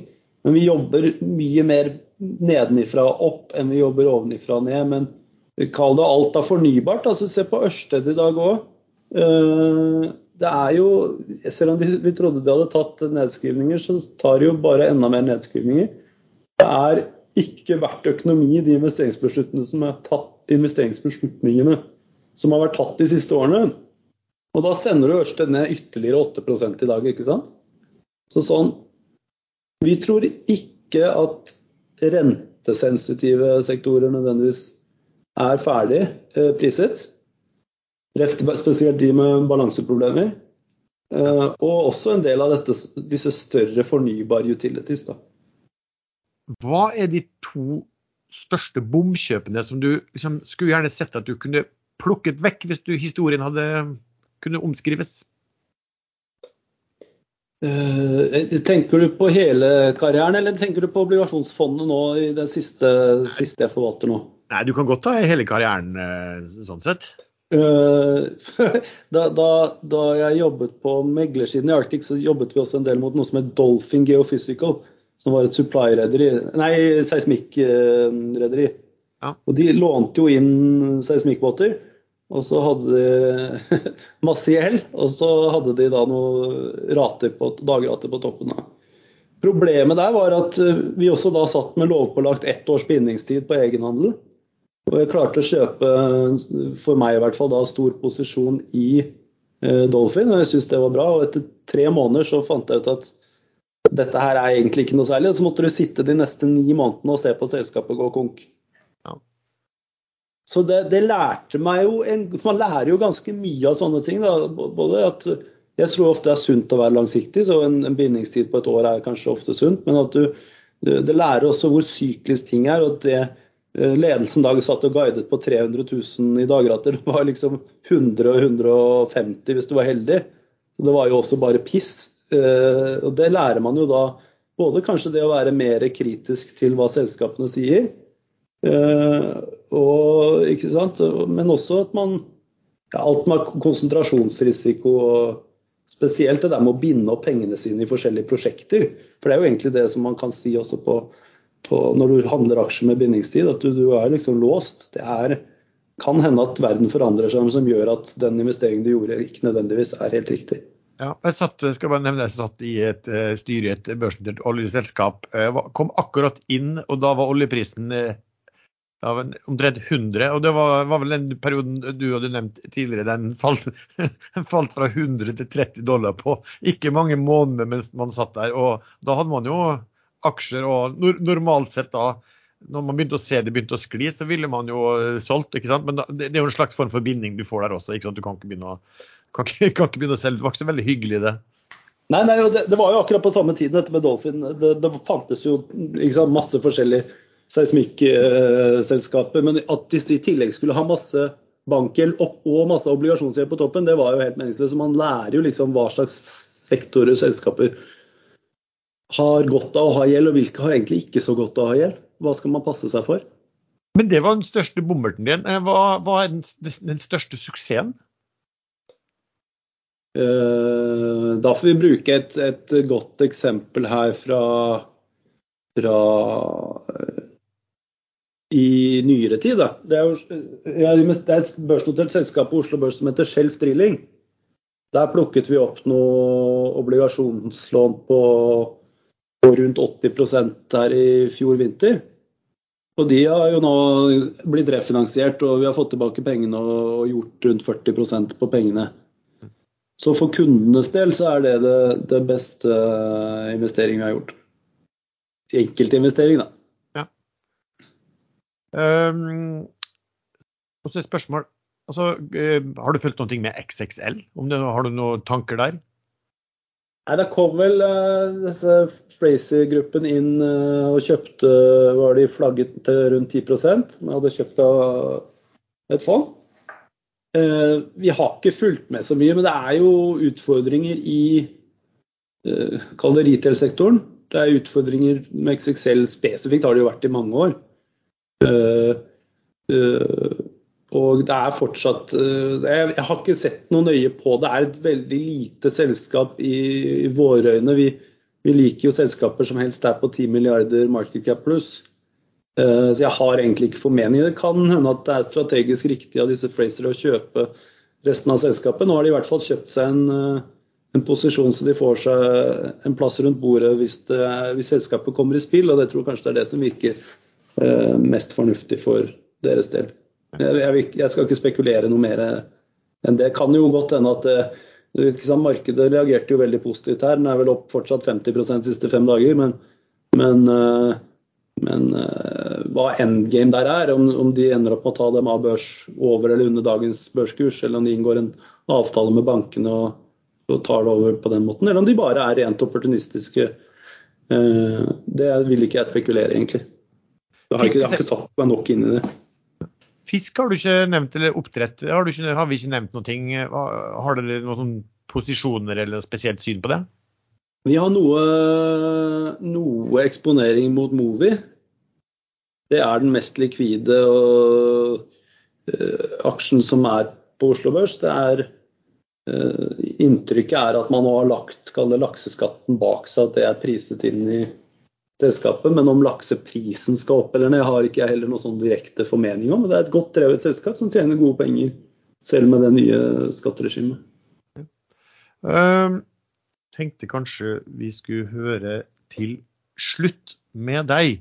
Uh, hva, og det var jo spørsmålet om, hva, hva er liksom, uansett bransje, hva er de to favorittaksjene? Og så var det en som skrev og sa at men da får han ikke lov til å si Storebrand. Nei, jeg får ta et personlig Men så er jo alltid spørsmålet Problemet med å sitte og anbefale sånn enkeltaksjer er jo også at man glemmer å si når vi, skal, når vi har solgt aksjen. Ja. Men sånn som det ser ut i dag, da, som hva dere har som en sånn favoritt? Sånn som det ser ut i dag, så, jeg, øh, så vil jeg faktisk øh, trekke fram noe som er litt relevant, altså, som kanskje kan skje fort også. men det er ville jo vurdert Adevinta. Der kommer jo sannsynligvis til å skje et eller annet. Det virker som at selskapet er i spill, og så er det jo ikke sant, hva, Om Endgame er eh, at de selger eh, rundt her, eller på en rabatt eller på en premium til Litt sånn som XXL, bortsett fra Adevinta er jo en kjempeform. Det er jo ingen som må selge der. Det må ikke inn noen ny kapital. ikke sant? Så kanskje man skulle hatt Adevinta for en sånn kortsiktig M&A-case. Også Frontline ser jo helt unektelig fantastisk ut også. Begge de selskapene har jo vi i porteføljen i våre fond, altså bare som en disclaimer der. Men det er jo to, to morsomme selskaper som også er eh, forholdsvis volatile og kan slå ut sånn som mitt inntrykk er at en del eh, eh kortsiktige aksjetradere ønsker. Takk skal du ha, jeg solgte mine frontline i går. Nei, men det, det, det, er jo sikkert det, det, kan plutselig hende at det er riktig òg, men, men unektelig så ser tilbud-etterspørselsbildet ut uh, veldig bra ut. Og så er spørsmålet alltid hva er som ligger i prisen i dag. Ja, ja. Men, jeg, ja, men Philip, jeg husker vi satt på Finansavisen sitt julepanel i fjor. Og mm. du trakk fram en aksje som heter Essity. Så er det noe ja. sånn eh, damebind og et eller annet sånn papirrelaterte hygieneprodukter. De driver med mannebind òg, faktisk. Mannebind òg, ja. Sånn Tena Lady for menn. Ja. Eh, ja, nemlig. Jeg har ikke fått prøvd det ennå, men kanskje med, om noen år. Det kommer med alderen. Ja, riktig. Nei, men eh, eh, jeg ser jo her nå, jeg måtte bare eh, klikke den opp her. Og den er year to date ned 12,2% Hva er det som har gått galt der? Det har vært inn, altså råvarekostnaden. Ah, ok. Det vil si både pulp, altså det, sånn, det er jo papirprodukter ja. stort sett. Litt plastikk og litt sånne ting input. Eh, og så er det jo generell markedsprising da, av den type selskaper, vil jeg si. Ja, det er ikke eh, liksom at eh, etterspørselen og bruken av sånne produkter har gått ned? Nei, den etterspørselen tror jeg er ganske stabil. så Der går det mest på marginer og eventuelt konkurransebilde. Ja, altså, hygieneprodukter det er noe man må bruke uansett, om det er bleier, tamponger eller voksenbleier. Si. Til slutt, Filip. Eh, du, eh, du, du, er ikke overtroisk? Hva sa du? Du er ikke overtroisk? Nei, det vil jeg ikke påstå, i hvert fall hvis ikke du Nei, jeg bare tenkte kanskje ikke alle som eh, ville ta sjansen til å stille opp i aksjesladder på fredag den 13., liksom. Nei, det er mulig. Du vet, Man tar jo alltid noen feil også. Utfordringen er jo stort sett å kunne gjøre mer riktig enn man gjør feil. Eh, men der, det er liksom den passive holdningen. Så det er allikevel at man skal gjøre 70% rett. Da er du en god forvalter. Eh, det er fortsatt litt passivt. Men det vi liker, er Jeg har en veldig dyktig kollega som sitter ved siden av meg også. Jeg husker ikke hvem av disse eh, kall det forvalterlegendene han siterte, men han hadde tatt med en journalist på en restaurant. Og så hadde han satt seg ned og så hadde han sagt ja, vet du, Jeg pleier jo ikke å gi intervjuer, men jeg har tatt deg med hit. Og, og vet du hvorfor jeg har tatt deg med hit? Så sier han uh, journalisten nei, det, det, er jeg litt usikker på. Han, nei, her, dette er en god restaurant. Her er maten alltid god. Uansett hva du bestiller, er alltid godt. Noen ganger er det ekstremt godt, men stort sett alltid så er det godt. Det er aldri dårlig. Og Det er sånn jeg prøver å forvalte også. Og det er at En investering skal alltid være god, og så får den heller overbevise deg og gjøre deg ekstra god, eller bli, ende opp ekstra godt.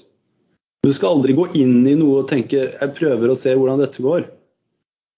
Hvis det går gærent, så du skal helt unngå, unngå de store smellene, både på aksjer og på obligasjoner.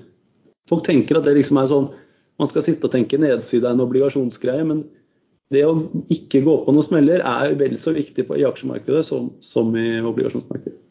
Det at noe faller 50% da må en annen posisjon doble seg da, for å gjøre opp for den, det fallet på 50% Det er ikke bare bare. Det er et godt råd til de som eh, vi, vi, snakker jo ofte en del, en del, om en del sånn risikoaksjer i uh, aksjesladder, men det betyr jo ikke at det det vi trenger eie mest av. Det er jo mer for at det kanskje er litt mer underholdende, da, og at man kanskje har litt mer å tilføre enn å snakke om Yara og Equinor. Ja, og Er du Sindre Finnes eller Svein Egil Larsen, kanskje det er gøy å sitte og trede SAS-aksjer nå? Alle vet at den er null verdt i april, men om du kan kjøpe på ett cent og selge på to cent i mellomtiden, så er det jo kjempegøy. Ja, ja. Men, Men, det er en helt annen type risiko enn den vi prøver å påføre våre investorer. i hvert fall. Jeg er heller ikke helt der. Jeg har fått to mailer av han ene FA-journalisten om, om, jeg holder på å trade SAS-aksjer for øyeblikket, eller om jeg blir frista til å trade SAS-aksjer nå i mail nummer to. Så han ville tydeligvis oh, ja. Eh, lokke meg ut på Nei, sorry, det var, det var, ikke meningen sånn sett, men jeg mener vi snakket om det da vi møttes ja, ja, i julen i fjor, at du syns det er gøy å trade litt sånn penny-aksjer. Ja, jeg trader alt jul. Du kan gjerne si XXL også, ikke sant. Kjempegøy for de som har fått 50% avkastning der på noen dager. Men man må jo ha i bakhuet at det kan like gjerne falle 50 igjen. Ja, og her er det jo opplyst og vedtatt at SAS er verdt null, eh, egentlig. Og, og det Så. sier jo selskapet selv, og amerikansk rettssystem sier det. Og, og, hvorfor den aksjen fortsatt er mulig å handle, det skjønner ikke vi av. Men, men det er jo Nei, det, det, er vel ikke endelig, endelig vedtatt ennå, så det er vel kanskje det de venter på. Riktig, det var noe klager, men det at det er null aksjonærverdi der, det er det eneste som er 100 sikkert, i hvert fall. Er, er det rett ned til Marbella nå, eller? Jeg så dere skulle ha sånn golfturnering på søndag. Det er riktig. Vi har eh, en golfturnering for eh, våre investorer på søndag. Min kone har bursdag på søndag, så jeg, har, jeg blir hjemme denne gangen. Ah, ok. Ikke er jeg noe god i golf heller, så noen får passe på butikken mens de andre spiller golf. Gjør det heldigvis på en søndag, da, så det ikke skal gå utover arbeidsdagen på mandag. Veldig bra. OK. Uh, tusen takk for at du ville stille opp for oss. Bare hyggelig. Og så håper jeg vi kan spørre deg om uh, å komme tilbake ved en annen anledning? Absolutt. Det er alltid hyggelig å sette av en time til litt morsom aksjesladder.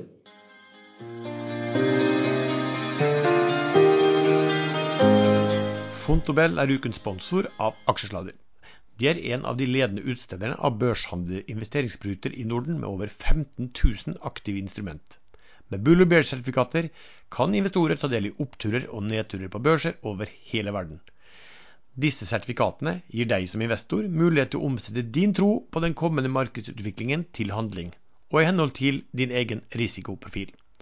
Bull- og Bear-sertifikat gir investorer en forsterket effekt, en giring, av utviklingen i aksjer, indekser, valutaer eller råvarer, enten markedene går opp eller ned.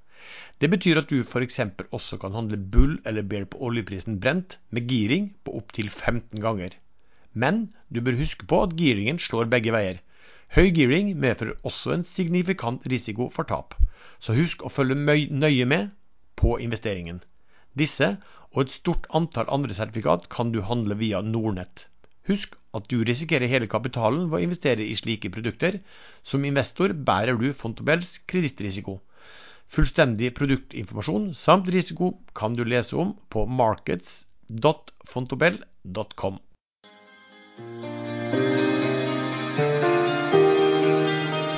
Da kan vi avslutte som vanlig, Sven, med om, Har du noen favoritter for uken som kommer?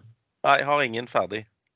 Nei da. Uh, jeg, må bare fortsette med de casene som jeg ser på. og Det er jo AMSC Jeg lurer på om det heter AMSC ASA nå, og ikke American Shipping uh, Corporation. Men eh, også liker jeg Biofish. De meldte faktisk at de var ferdig med disse ekspansjonsplanene sine. Så nå håper jeg det blir en, en en sånn pengemaskin. pengemaskin. Uh, men uh, den, tilbake til den AMS-en, da. Det, den transaksjonen med at de solgte alle disse tank... Do, hva det heter for noe? Ikke Doe Jones, men Jones Act-tankskipene sine. Den ventes å bli fullført i løpet av oktober. Eh, de får 249 millioner dollar. Av de så skal de gi 170 millioner eh, dollar i utbytte. Sitter da igjen med typ 79 millioner eh, dollar pluss Nordmann Maximus og gjeld på Nordmann Maximus. Og en bareboat-avtale som gir en EBITDA på 30 millioner dollar per år i minst fem år. Og så tok jeg litt feil, da, fordi jeg trodde at, at AMSC hadde mulighet til å beholde Norman Maximus etter fem år, fordi at uh, Solstad Offshore har en kjøpsopsjon der på 125 millioner dollar. Men uh, i den opprinnelige avtalen så var den prisen på 100 millioner dollar, og at AMSC kunne beholde 50% av båten hvis de utøvde opsjonen. Men de har forhandla seg eh, vekk fra den eh, muligheten til å beholde 50% Så nå er prisen 125 millioner dollar istedenfor. Så det tok vekk et par kroner av det regnestykket som jeg kom fram til. Men jeg har kommet fram til at han er ca. verdt 52 kroner, det samme som Pareto har. Og nå tredje han 44. Og det blir sånn det, det, er ikke, det, er ikke, denne som dobler seg, liksom. Men uh, du kan gjøre prosentvis en helt OK investering, tror jeg. Ja, for eh, det var litt det som jeg var nysgjerrig på her også, og gjorde at jeg kjøpte. det var at De skriver at de skal betale i overkant av 25 eh, kroner per aksje. Det spørs litt på dollarkursen. Ja. og Det blir mellom 25 og 26 en eller annen plass. Ja, men si 25, da, og så prises aksjen i dag til underkant av 45. Så la oss si at den hadde gått eh, x utbytte i morgen, da, f.eks. 25 kroner. Så hadde jo det vært tilsvarende at den skulle åpnet på 20 kroner. Ikke sant? Ja. Og, og, så mener du Hva var det Pareto sa om verdier? Var det 55 kroner per aksje eller noe de hadde? Det er 52, tror jeg. Ja, 52 da. OK. Så det vil jo da tilsi at de mener i etter, etter uh, utbetaling at den skal prises til Eller den skal ha en navn da på 27 kroner per aksje. Ja, riktig. Nei, men uh, vi snakker ikke om doblingskandidat her, vi snakker om uh, hyggelig avkastning på kort noen tid. Fine, noen fine prosenter på kort tid er vel det man snakker ja. om, ikke sant. Og, ja. og, og det, er risikoen på investeringen. Altså, du, du, du, får jo mer enn halvparten tilbake i løpet av utbyttet i løpet av kort tid. da. Ja. ja. Så det er den ene. Den satte jeg meg faktisk litt inn i, og jeg fikk ikke med meg at de hadde reforhandla den der eh, opsjonsavtalen på Norman Maximus. Men uh, Uansett, da. Jeg tror de fem årene med 30 millioner dollar i EBITDA eh, blir en god butikk. Det er vel rundt 20 millioner dollar de får cash eh, per år etter, etter rentekostnader. Uh, og så, jo, Doff Group den er jo kraftig opp i dag. Uh, det segmentet der er veldig bra uh, og kommer til å fortsatt være bra når oljeprisen er høy. Oljeprisen er opp 3,2 i dag, og det hjelper jo på. Acastor beholder jeg. Beholder òg Norwegian Energy. I hvert fall hvis vi skal liksom tenke neste uke, beholder jeg den. Norwegian vi... Energy? Energy Blue, tenk, Blue Nord tenker du på? I innfronten min så står det Norwegian Energy Company, så de har ikke oppdatert uh, navnet på selskapet der. Nei, det er denne gamle Noreco. Yep. Gode, gamle Noreco. Blue Nord. Uh, altså tikker B Nord. Jeg bare tenker på Bane Nord når jeg ser på den. Kjedelig opplegg. Men uh, OK, Havila Kystruten jeg blir med på reisen der fram og tilbake, opp og ned. forhåpentligvis mer opp enn ned. Og så Golden Energy. Det blir nok en kort visitt, dessverre. Ja, du, har du shorta bort alt du, du har får tildelt? Jeg har ikke shorta noe. Jeg har lånt inn og solgt. jeg vil ikke ta det ordet i min munn. Nei, da, du, da, kan du få grove utskjellinger både fra den ene og den andre, har jeg registrert. Ja. Jeg ble jo beskyldt av han der Philip Sissener at jeg sitter og rovtreider SAS-aksjen sammen med Sindre Finnes, og det kan jeg bare avkrefte. Det, liten sannhetsgehalt. Ja, du, du, det, det, vil du grovt benekte. Hadde det vært ja. uh, Henriksen, Jallakongen, vært der, så hadde han jo grovt uh, vært helt enig i det. Henriksen hadde jo satt seg ned og regnet på dette caset her nå. Alle andre sier null, men Sand sier det, det er bare tull. Så nei. Men jeg, eh, jeg syns det var litt sleipt av Henriksen å bare snike seg vekk. For han skulle egentlig han skulle egentlig gjøre noe jobbmessig med dette tømmerselskapet sitt, eller tømmermannsselskapet, og så skulle han ikke gjøre det likevel, og så stakk han på hytta til noen istedenfor. Hvor er blitt av dedikasjonen? Uh, OK. Uh, for min del så uken som kommer. Nei, det, det, blir jo litt samme da. Det, nå er det jo litt fram til utbyttet kommer da i American Shipping Company. og Hvis det ikke skjer noe spesielt, så skal jeg nå sitte på den eh, over det tidspunktet. Det er jo ofte da man får litt sånn eh, en, en, en litt reprisning. Eh, kan du nevne en aksje som vi har snakket mye om her før, altså Filler Shipyard. Eh, der eh, kursen da stille og rolig rundt eh, litt i overkant av 30, og så sendte selskapet en melding om at de kommenterte ikke rykter som gikk på eh, i media om at eh, Hanva eh, kunne være interessert i å kjøpe verftet. Eh, og da stakk jo kursen opp 40 eh, den dagen der. Ligger på 42,5 nå. Altså helt umulig å si hva en sånn prising skal være. De, de priser over bokførte verdier nå, men liksom, hva, hva, finner de av verdi på verftet? Og så er det spørsmål også på de har jo en ordremasse. De har vel noen eh, fortsatt den der storordren som de kommer til å tape penger på alt i alt. Uh, Røkke bruker å være en fantastisk god selger. Og, og han var vel for øvrig de som kjøpte rekkposten av Aker også, så de har handlet med, med, han, med, med, med Røkke før. Så vi får se om, om det blir av, eller om eh, Aker, altså uh, Philip Shipyard, sendte den meldingen for at de ville prøve å få flere på banen. Det, det, er, ikke så, det er ikke så godt å si. Ja, men Det er veldig spesielt. Og The commentating on press speculation. Og uh, Hvilken avis var det denne storyen var skrevet i? Uh, det var en koreansk avis som ingen har fått med seg, tror jeg. ja, nemlig. Så, så, det har jo ikke påvirka kursen i det hele tatt. Ikke i det hele tatt. Så, så det var ikke egentlig... en eneste koreaner hadde logga seg inn på ja. nordnett.kr og, og, og, liksom uh... Så, så, de, så de spredte ryktene eh, og fortalte at de ikke ville kommentere rykter. Det var vel det som skjedde i den børsmeldingen. Det var da jeg tenkte på at de virker som de kanskje er litt interessert i å få andre på eh, Få, for, få, få andre interessenter fremover, da. Men det, det, det, vet man jo ikke. Uh, og så kan jeg nevne en som jeg kjøpte i, i går etter litt skriverier på uh, ekstrainvestor, som heter Stainless Tankers. Uh, Kjøpte litt av den i går. De, de ble, oppmerksomheten min ble henledet på at det var tydeligvis en større aktør som hadde ligget og, og, solgt ut en god del aksjer der. Eh, og den aksjen har jo falt ganske mye. Tror Siste tre måneder er vel ned sånn 17% og siste måned ned 14 jo, De driver innenfor kjemikalietenkere. Og jeg bare så at i samme periode altså Stolt-Nielsen og Oddfjell, som også er kjemikalietenkere, de har begge to også noe, noe attåt, så ble vi ikke helt klint å regne på det. Men de har steget kraftig i samme, eller godt da, i samme, eh, i samme periode. Så her er det vel kanskje en trade på at disse som selger her, snart er ferdig. Og hvis det skjer, så kan man jo, kan man jo ofte få en, eh, eh få en bra, eh, få en bra rekyl. Det er liksom ikke så lenge siden den sto i den sto i 50 kroner, så ja, vi får bare se. Den har, den har jo ligget på 50 da, eh, i månedsvis uten omsetning i det hele tatt. Ja. Og så er det noen som bestemmer seg for at de skal ut, og da må du dumpe ned til 42, ser det ut som. Ja. Eh, men eh, det som er helt uh, artig, er jo at både megler i Fanley og Clarkson har sendt meg analyser på det selskapet i dag. Uten at jeg har bedt noe om det. OK. Og du har fått det i dag, ja? Ja.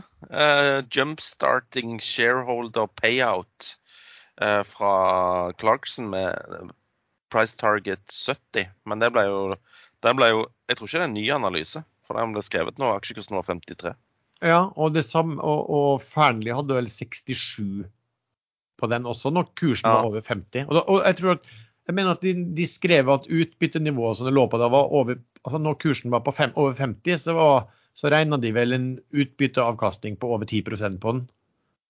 Så, så vi får se. Det, det, jeg, jeg, kan ikke si at jeg har sett meg, satt meg Nei, Jeg blir litt skeptisk når, du, når du ikke har eh, hatt omsetning på et år. Absolutt. Og så kommer det en kjempeblokk. Uh, og så spørs det hvem som har kjøpt de, da. Uh. Men aksjen kan for alt jeg vet være veldig billig. Jeg har ikke peiling.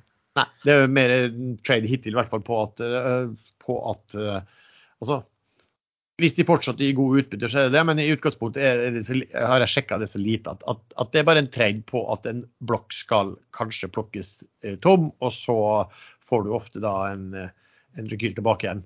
Um, ja. Berenberg eh, jo da, var jo under 17 og har kommet opp igjen på Den var vel oppe i går på 17,85, så det var nære. og Nå hadde jeg vel kommet meg i, pluss på den også.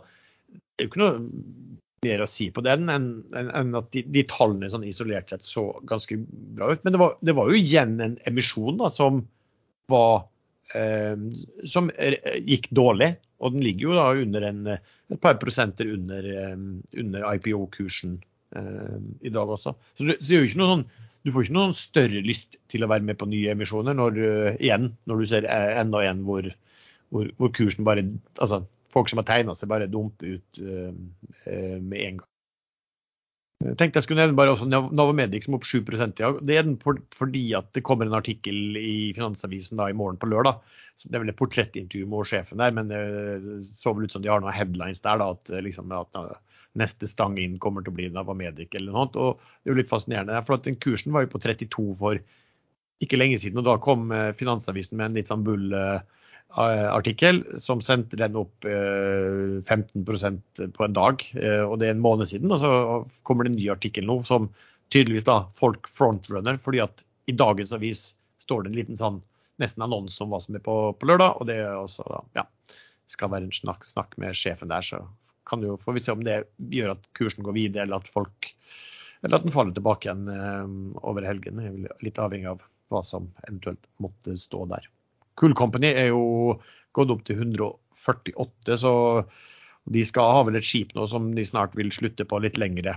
Eh, litt lengre avtaler, så får vi se hvordan det går. Og, og hvis det er hva skulle du si, uro rundt eh, energi, så er det jo den, den type aksjer som fort kan være fort og bra å sitte på, men, men det er jo en tradingposisjon, da, så kan det jo være at jeg hever ut den på mandag, for, for alt jeg vet. Eh, noe annet Sven, som du har eh, lyst til eh, å ta opp, eller skal vi eh, si at nok var nok for denne gang? Jeg har ikke lyst til å ta opp noen ting mer i dag. Du har bare lyst til å komme deg ut i sola? Eller du sitter i sola allerede? Nei, jeg sitter ikke i solen. Det er sånn delvis skya, eh, men det er godt og varmt. Ja. Skal, du gå, skal, du gå, på spansk pub på søndag kveld? Spansk pub på søndag kveld? Ja, vi var faktisk og, og kikka landskamp i går nede på den lokale. Ja. Så der var vi en del norske som satt og heia og fikk med oss 4-0-seier. Men uh, faren på søndag er jo at det kommer noen spanjoler. Ja. Og det kan jo bli artig. Ja, ja. Det kan jo bli artig. Det kan bli artig kamp. ja. Sånn er det. Ok, Da takker vi så mye til deg som har lyttet til denne episoden. Du treffer oss stadig chattende inne på Ekstrainvestor. Vi har også en eh, gruppe på Facebook som heter podkasten Aksjesladder. Musikken er som vanlig laget av sjazz.com, og vi høres.